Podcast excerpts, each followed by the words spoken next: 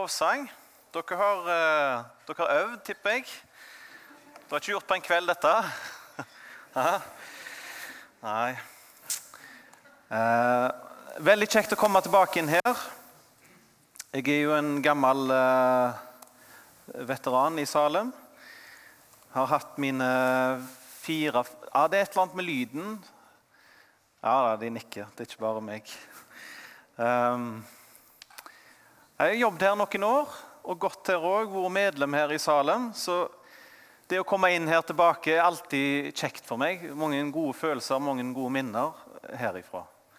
Eh, og så er jeg glad for at nå får jeg lov til å få nye minner. Du må ikke bare leve på det gamle, men det å få noe nytt er veldig, veldig fint. Så jeg gleder meg til å være i lag med dere. Jeg vet, eh, jeg vet sånn cirka hva som kommer i dag, og resten av uka er litt under arbeid. Eller uka, hvorfor sier vi det? Eh, det lever litt i meg eh, fra dag til dag hva jeg vil ta fram, altså. Men i dag, i kveld Å oh ja. Det er så gøy.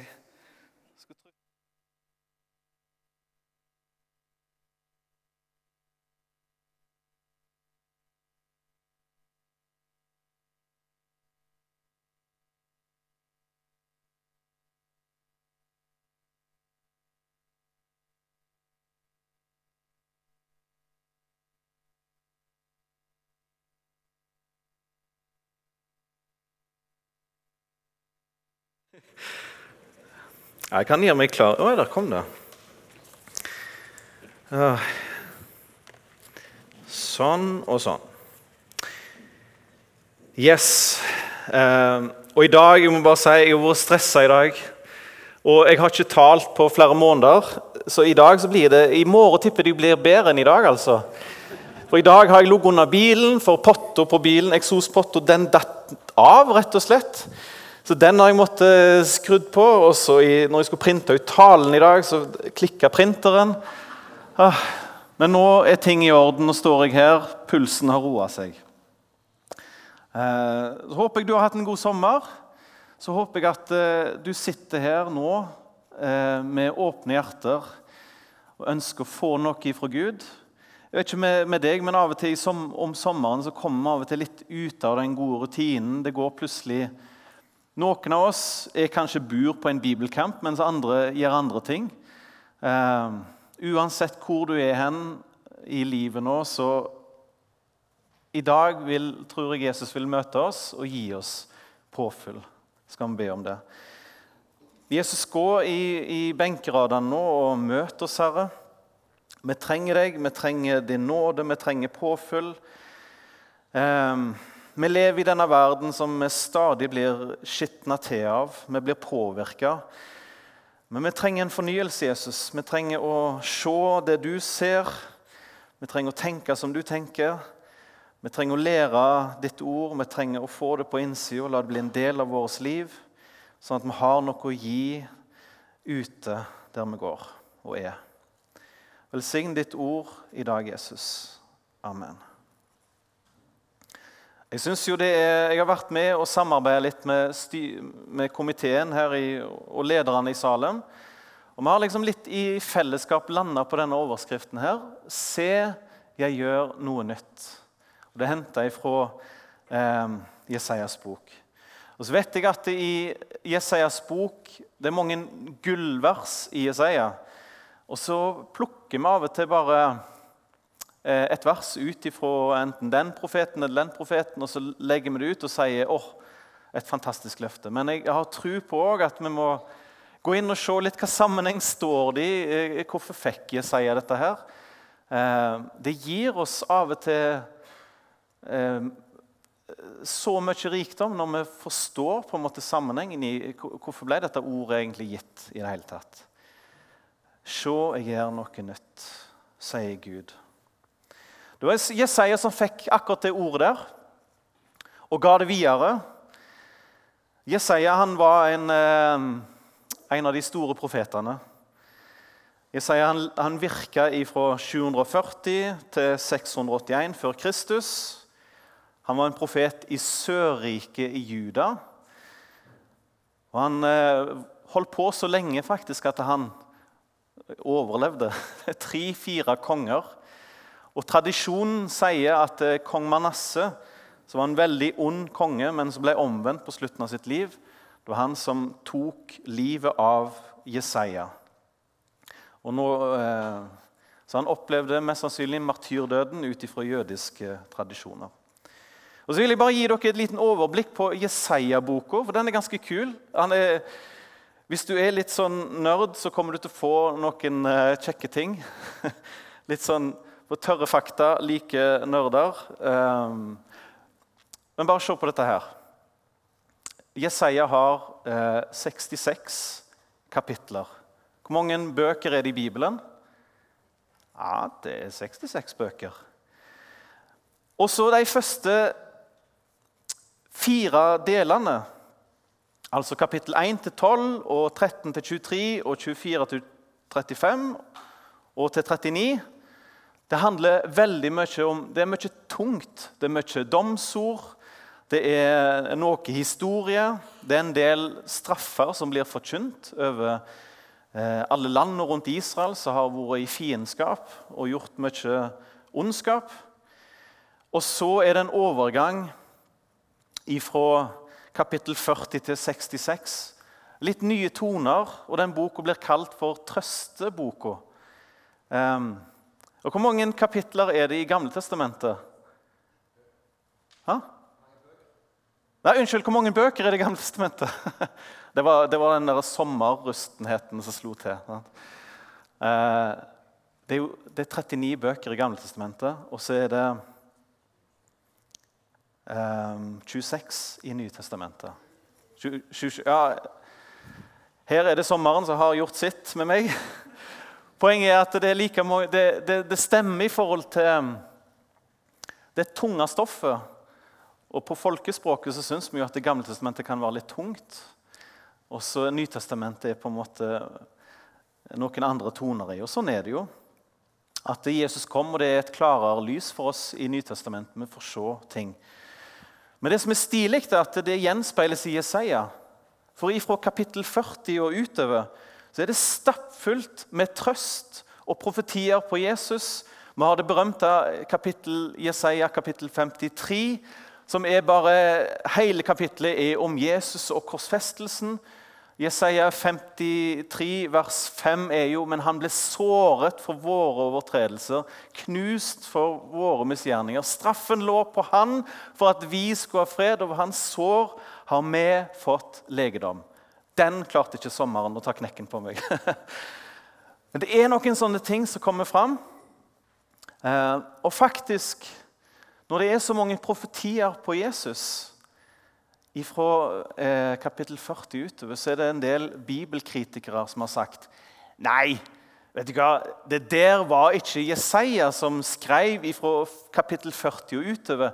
Det var nok en, en annen en annen eh, slags Jesaja, som det ble skrevet mange hundre år etterpå. For det er så mange profetier både på Jesus og på ting som skjedde i Babylon, at det, det, det kan ikke være sant. For Hvis det stemmer at Jesaja fikk det i år 740 og noe, så er det jo noe helt unikt med Bibelen. Hvordan kan Bibelen ta rett på så mange ting? Nei, nei, det går ikke an. Men vent litt.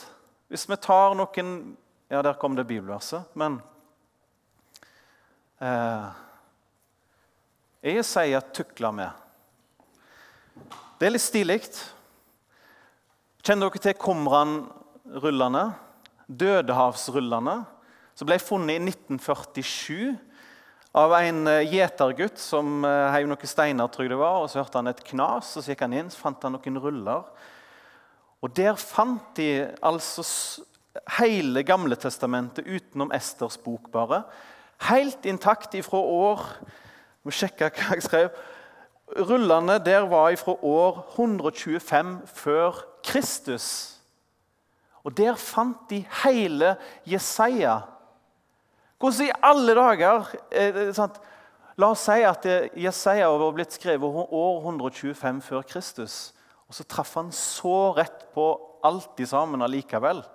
Men dette her er tilbake til år 700 før Kristus.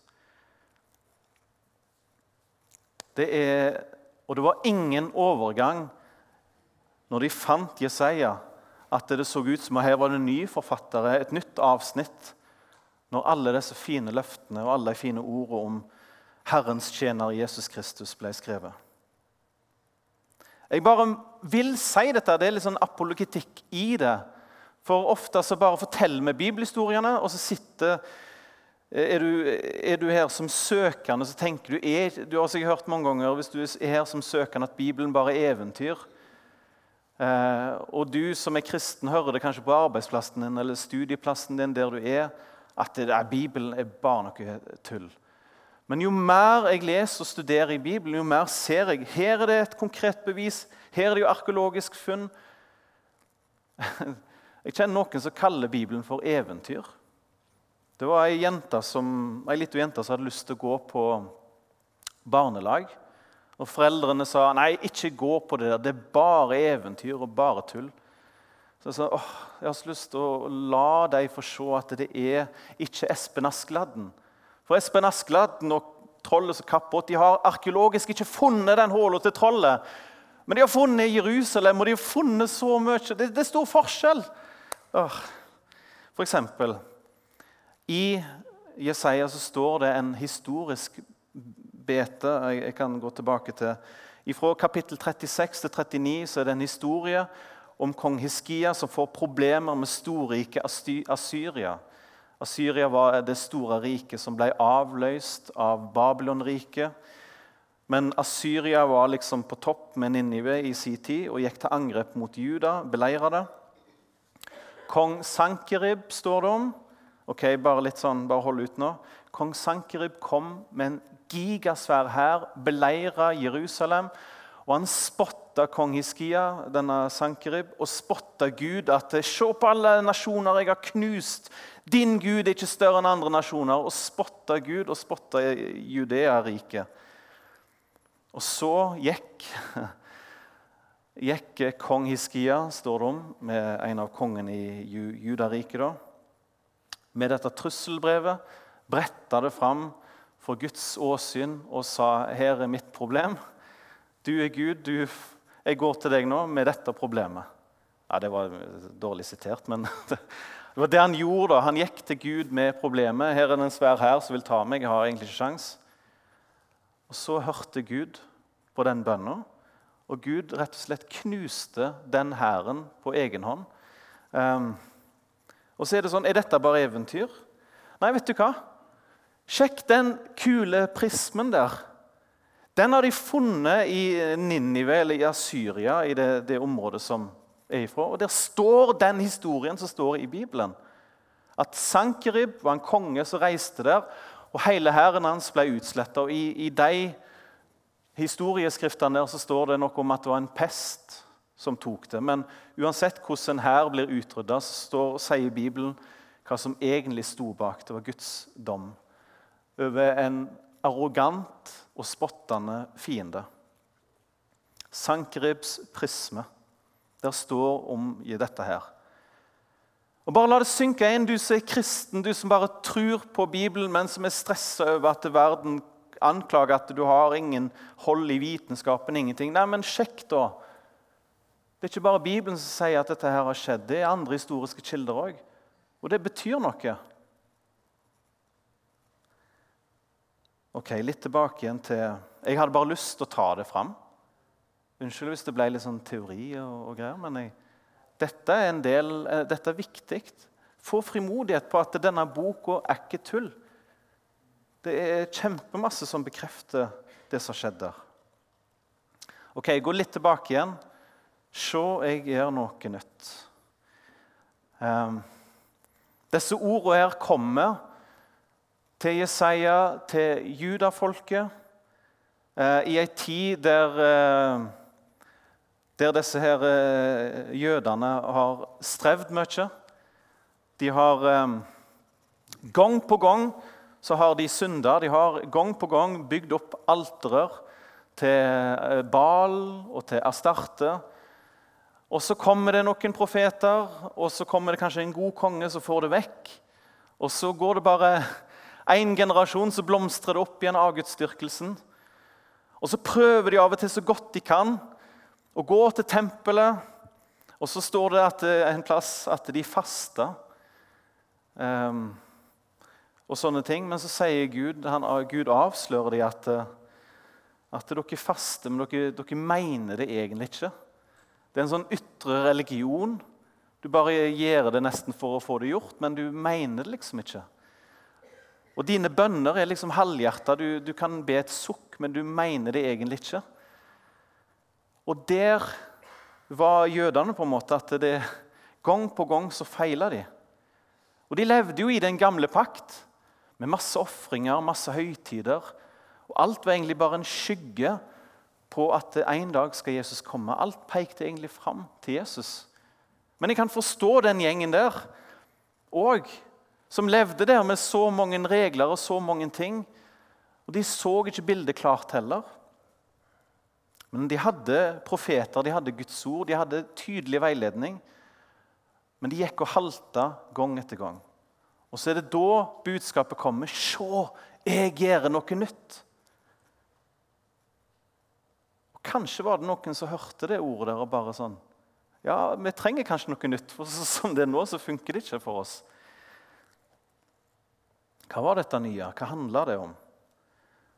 Et annet bibelsted forklarer dette her. Det er ikke nok at du er min tjener, som skal reise opp igjen Jakobs stammer og føre de bevarte av Israel tilbake.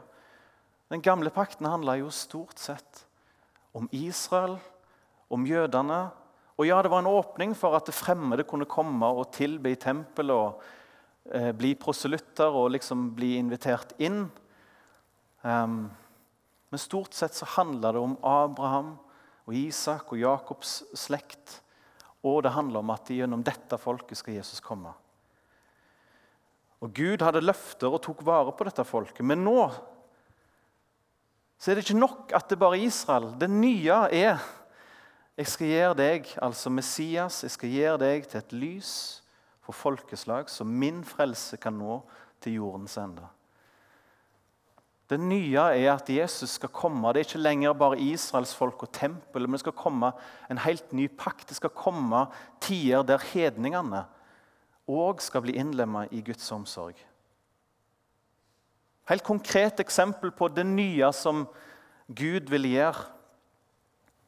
Om du har hørt om den etiopiske hoffmannen dette var en hedning. En, uh, dette var en som hadde stort ansvar i Etiopia.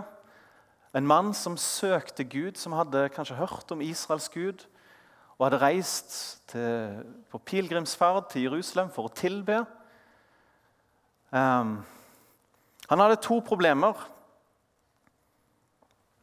Han hoffmann, for han var en sånn evnukk, så det heter, eller han var rett og slett på godt norsk kastrert.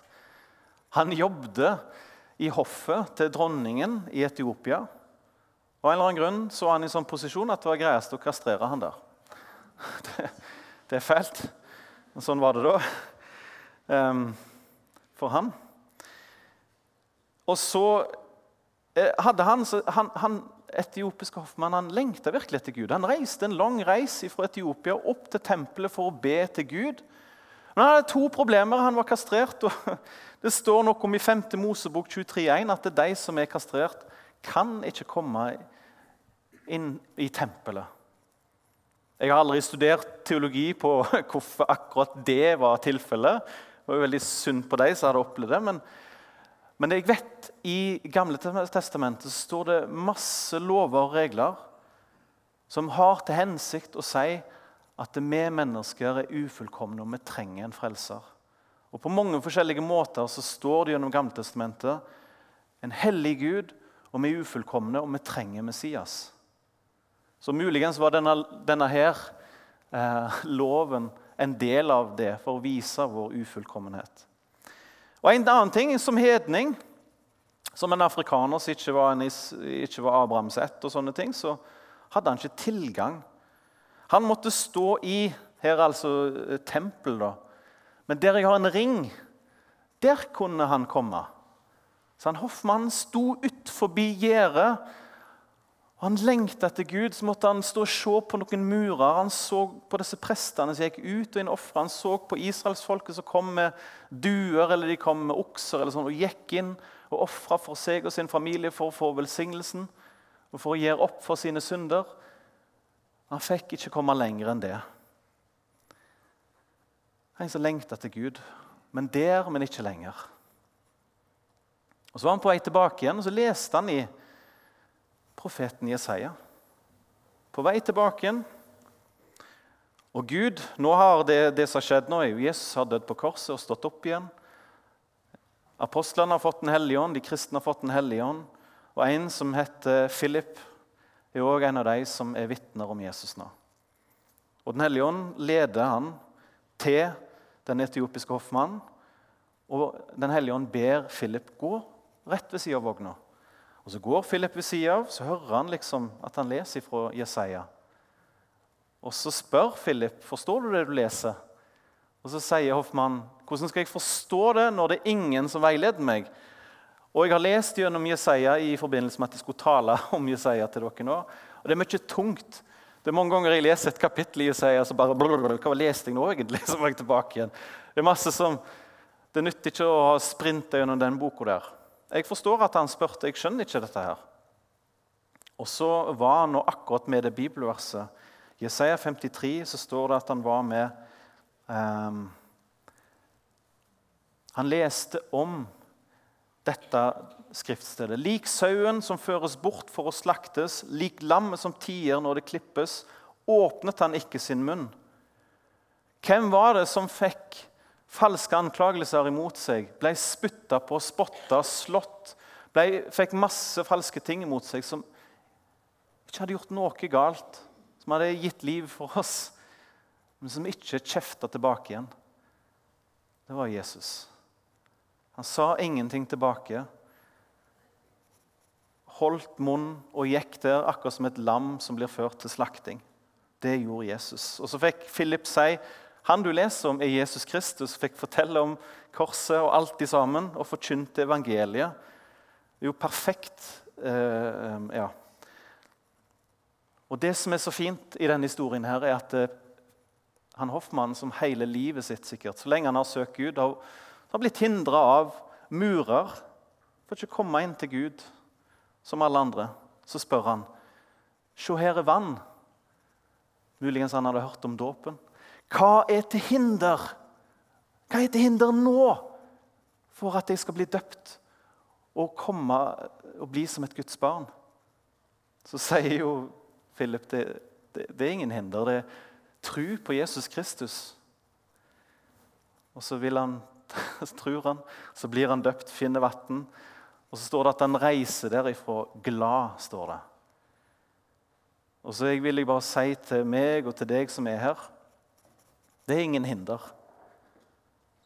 Tenk disse her som i alle år i Israel og andre som har strevd og bare De ønsker Gud, men de ser murene, de ser hindringene. de ser...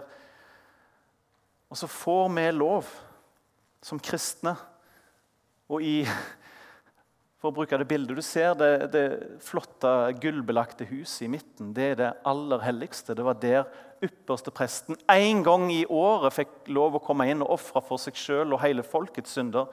En gang i året gikk han inn der og var på en måte i Guds nærvær. Og så sier den nye pakten at når du tror på Jesus Kristus, skal du få lov å komme inn forbi forhenget. Helt inn der der skal du være ikke bare én dag i året, men hver dag. Når du våkner opp om morgenen, så er nåden ny, og Jesus er der du er i det aller helligste. sånn i hermetegn. Tenk hvor fantastisk. Det som folk har lengta etter. og, og, og Tenk å fått vært han ypperste presten og fått gått inn der. Lurer på hvordan det er å være i Guds nærhet. Så sier Bibelen at pga. Jesu blod så har vi frimodighet til å gå inn i helligdommen. Helt, helt inn. Det er ingen hinder. Hva er hinderet? Ingenting. Jesus har tatt det vekk. Se, jeg gjør noe nytt for deg. Gud gjør noe nytt for deg. Nei, for den som er i Kristus, er en ny skapning. Det gamle er borte. Se, det nye er blitt til. Og så vet jeg ikke om du er litt som meg, men jeg syns det var fantastisk når jeg ble kristen i 20-åra. Og jeg har hatt en spennende reis. Men så er det av og til det går trått, jeg er tom, jeg blir motløs. Jeg kjenner at jeg trenger et nytt møte med Gud. Jeg kjenner at nå er jeg litt sliten og litt sånn bær. Det er så interessant når jeg leste om Jesaja, at det er et kapittel i Jesaja, kapittel 6, som jeg kaller for Det var da Jesaja fikk kallet til tjeneste. Men det er interessant, er at eh, det er ikke sikkert at det var det som var begynnelsen. Det kan faktisk være at Jesaja var en profet allerede, og så plutselig fikk han et nytt møte med Gud. Bare les dette her, for det som er greia òg, at det kommer litt i starten av boka. Han har allerede profetert. Og så får han se dette synet, og jeg skal bare lese det. Hva Jesaja opplevde. I det året da kong Ussia døde, så jeg Herren sitte på en høy og mektig trone og slepet av hans kappe fulgte tempelet. Seraffer, en form for engler, sto omkring ham. Hver av dem hadde seks vinger, med to dekket i ansiktet, med to dekket i føttene og med to holdt de seg svevende. De ropte til hverandre, 'Hellig, hellig, hellig er Herren Sebaot.' All jorden er full av Hans herlighet. Boltene ristet i dørterskelen når ropet runge, og huset ble fullt med røyk. Da sa jeg, ved meg, det er ute med meg, for en mann med ureine lepper. Jeg bor blant et folk med ureine lepper, og mine øyne har sett kongen, Herren alls herrs Gud. Da fløy en av seraffene bort til meg. I hånden hadde han en glo som han hadde tatt med en stang for alteret. Med den rørte han med, sa, med min munn og sa, Se, denne er rørt ved dine lepper. Din skyld er tatt bort. Din synd er sonet. Så hørte jeg Herrens røst. Hvem skal jeg sende, og hvem vil gå for oss? Da sa jeg, Her er jeg, send meg. Det som er interessant med denne historien, her, at etter dette kapittelet her, så begynner Jesaja på et nytt nivå å fortelle og gi dom til ulike land rundt. Gi dom til, is, til, til Judeariket skikkelig tøffe ord han må bære fram. Det virker som om Gud utruster han på ny og gir han på en måte en ny iver i tjeneste. Og så jeg, når jeg leste gjennom Jesaja, så har det blitt ei bønn for meg at det gjør noe nytt med meg, Gud. Ikke la det bare gå på gammel vane eller la meg gå på møte for jeg vet det er det som er rett. Men la, virkelig på ny, Jesus, møt meg. Sånn som jeg Jesaja, at han fikk se Gud på en sånn måte at han ble helt slått ut. Han bare sa 'Ved meg, du ute med meg'. Jeg husker første gang jeg ble kjent med den teksten. der. Jeg vet ikke om det var kanskje Jon Helge Aarseth eller om det var Jon Nyvågen. Så det var en av de. For jeg var på bibelskole. Um, egentlig så ville jeg ikke gå på bibelskole. Jeg hadde ikke lyst til det. Jeg var en kristen. Jeg tenkte jeg var en kristen. Jeg falt mange ganger i synd. Jeg var en dårlig, lunken kristen, for å si det sånn. Og så var det noen som sa du må gå på bibelskole. Så sa jeg nei, jeg vil reise til Ølensvåg og jobbe på garveriet, familiebedriften min. Bare, jeg skal jo arve det og greier. Iallfall, iallfall 10% av det tror jeg skal arve. og så var det ei så jeg sa dette til så sa til meg du må gå på bibelskole. Magne. Så jeg nei, jeg ikke. Jo, og så begynte hun å grine. Hun sa ikke mer og bare begynte å grine. Så jeg bare sånn Wow! Er det, er det så dårlig med meg liksom, at eh, jeg må gå på bibelskole, ellers går det galt med meg? Ja, det var kanskje litt sånn òg. Men jeg har tenkt det som skjedde, Jeg skal fortelle det videre, men jeg gikk på den bibelskolen. Men jeg har tenkt, når jeg, når jeg tenkte tilbake på dette her Se hverandre. Fellesskapet er nødvendig. Og Nå er det nytt år, nytt semester. Det er lett å prioritere vekk møtet, for det, er lett å på en måte finne på andre ting. og Du er kanskje student, og du har masse lekser, eller hva du har, og du jobber og du har det travelt. Men det er én ting som du virkelig trenger, det er én ting som er virkelig nødvendig. Det er å komme i sammen og se hverandre. For de hadde ikke vært for andre kristne som Jeg vet ikke om du ser det bildet, men det, det er et menneskeøye som ser på en måte Jesus i det øyet. Når hun jenta så på meg og begynte å grine, så var det på en måte ikke det var ikke hun person, men det var akkurat som en hilsen fra Gud. Omsorg fra Gud gjennom det mennesket. Og Det er det som er poenget med å komme i lag, fordi Jesus vil virke gjennom oss med ulike nådegaver. Sånn at Jesus bruker nådegavene sine og så jobber han gjennom den enkelte av oss mot hverandre. Det er derfor vi trenger å komme i lag. Fordi når vi møter hverandre, så møter vi egentlig Jesus. Ok, Det som skjedde, var at jeg satt på bibelskolen og bare tenkte ok, jeg må lære noe. Jeg, jeg kan ingenting. Bla, bla, bla. Og så skjedde dette her, at uh, Bibelen ble ifra å være ei tørr bok til å bli mer og mer levende. Når dine ord, gir, dine ord gir lys når de åpner seg, de gir uerfarne innsikt. Og Så kom jeg over den Jesaja-historien på bibelskolen. Og bla, bla, bla. Hvem vil gå for oss, spør Gud. Og Jeg var sånn, jeg hadde ingen tjeneste, aldri, aldri hatt en tjeneste. Og jeg sa, Gud, her er jeg. Send meg hvis du vil. Og Tre uker etterpå så kom det en eller annen dude som hadde jobbet i misjon i sikkert 60 år og så spurte meg om jeg ville være ettåring i Haugesund krins. Det bare skjedde, liksom. Tre uker etter jeg hadde bedt den bønna der. Jeg har ikke sagt det til noen. Jeg har ikke ropt på bibelskolen. Bare så du vet, jeg har bedt ei bønn, jeg har veldig lyst til å ha en tjeneste. Det var ikke sånn. Men Gud så bønnen, og Gud koordinerte med en annen kristen og sendte den sånn og sånn. Han så her er det en som faktisk sier 'send meg'.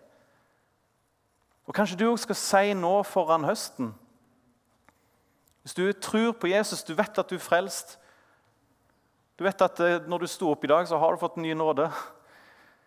Selv om vi feiler og sånne ting. Jesus han er tålmodig med deg. Så si til han at det her er jeg. Send meg. Bruk meg i Salem. Bruk meg i Stavanger. La meg være et vitne for deg. Fordi det siste jeg vil dele nå i, i dag, er dette jeg leste fra Jesaja. Vi, jeg, du, Norge trenger en fornyelse. Vi trenger på ny å se Jesus, og, vi, og, og Jesus må bli eh, på kartet igjen i Norge. Her er det tre bibelvers som bare handler om vekkelse, spør du meg. Jeg skal bare lese dem.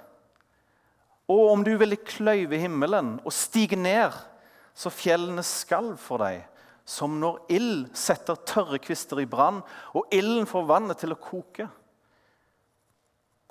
Da skulle dine fiender få kjenne ditt navn, og folkeslagene skjelve for ditt åsyn. Når du gjorde under som ingen ventet, og steg ned så fjellene skalv for deg. Fra gammel tid har ingen hørt. Det har ikke kommet oss for øre, og ingen har sett det med sitt øye noen annen Gud enn de som kan gjøre slike ting. For dem som venter på ham. Jeg har hørt eh, det var mm, Marius som fortalte at i Vigeland, der det har vært vekkelse og sånn, ei lita fillebygd på Sørlandet, så har det kjempemasse folk som går på de møtene. Og så var det En som hadde sagt at han bare var på møte. og Før møtet begynte, så opplevde han helbredelse. Stemmer ikke det? Og hva var det jeg leste her? Når du gjorde under som ingen ventet. Dette er kjennetegn liksom på en, en, typisk vekkelse. At ting, Gud bare gjør ting. Vi blir overraska. Eh, nå ble den frelst, nå ble den helbreda, nå ble den satt i brann. Den fikk en ny nådegave plutselig. Og så kjenner jeg på at åh, Gud, hva skal vi gjøre? Hva skal vi gjøre for å få vekkelse, for at eh, Stavanger skal bli frelst, for at jeg skal bli satt i brann igjen? Hva?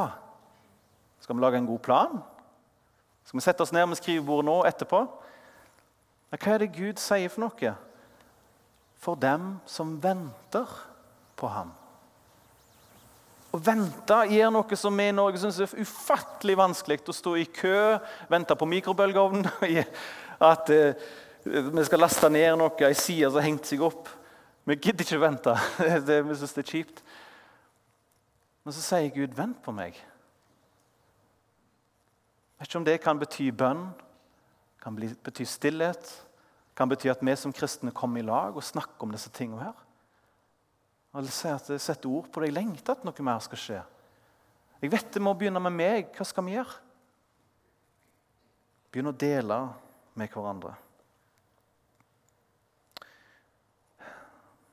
Kjære Jesus, jeg, eh, jeg trenger deg, Jesus. Igjen og igjen. Jeg trenger at du på nytt møter meg, Herre. Jeg har skuffa deg så mange ganger. Jeg har gjort ting jeg ikke burde ha gjort, Jesus. Men Jesus, hør min bønn. Ikke gi meg opp, Herre, men fyll meg igjen med Den hellige ånd. Og så ikke bare meg, men, men oss, Herre. Ditt folk i Norge.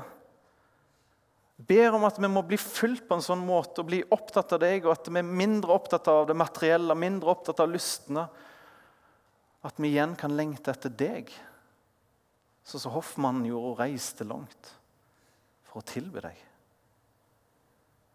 Gi oss nye erfaringer i lag med deg, Jesus, og bare møt oss nå. Du ser hvordan vi ber, og hvem som ber til deg.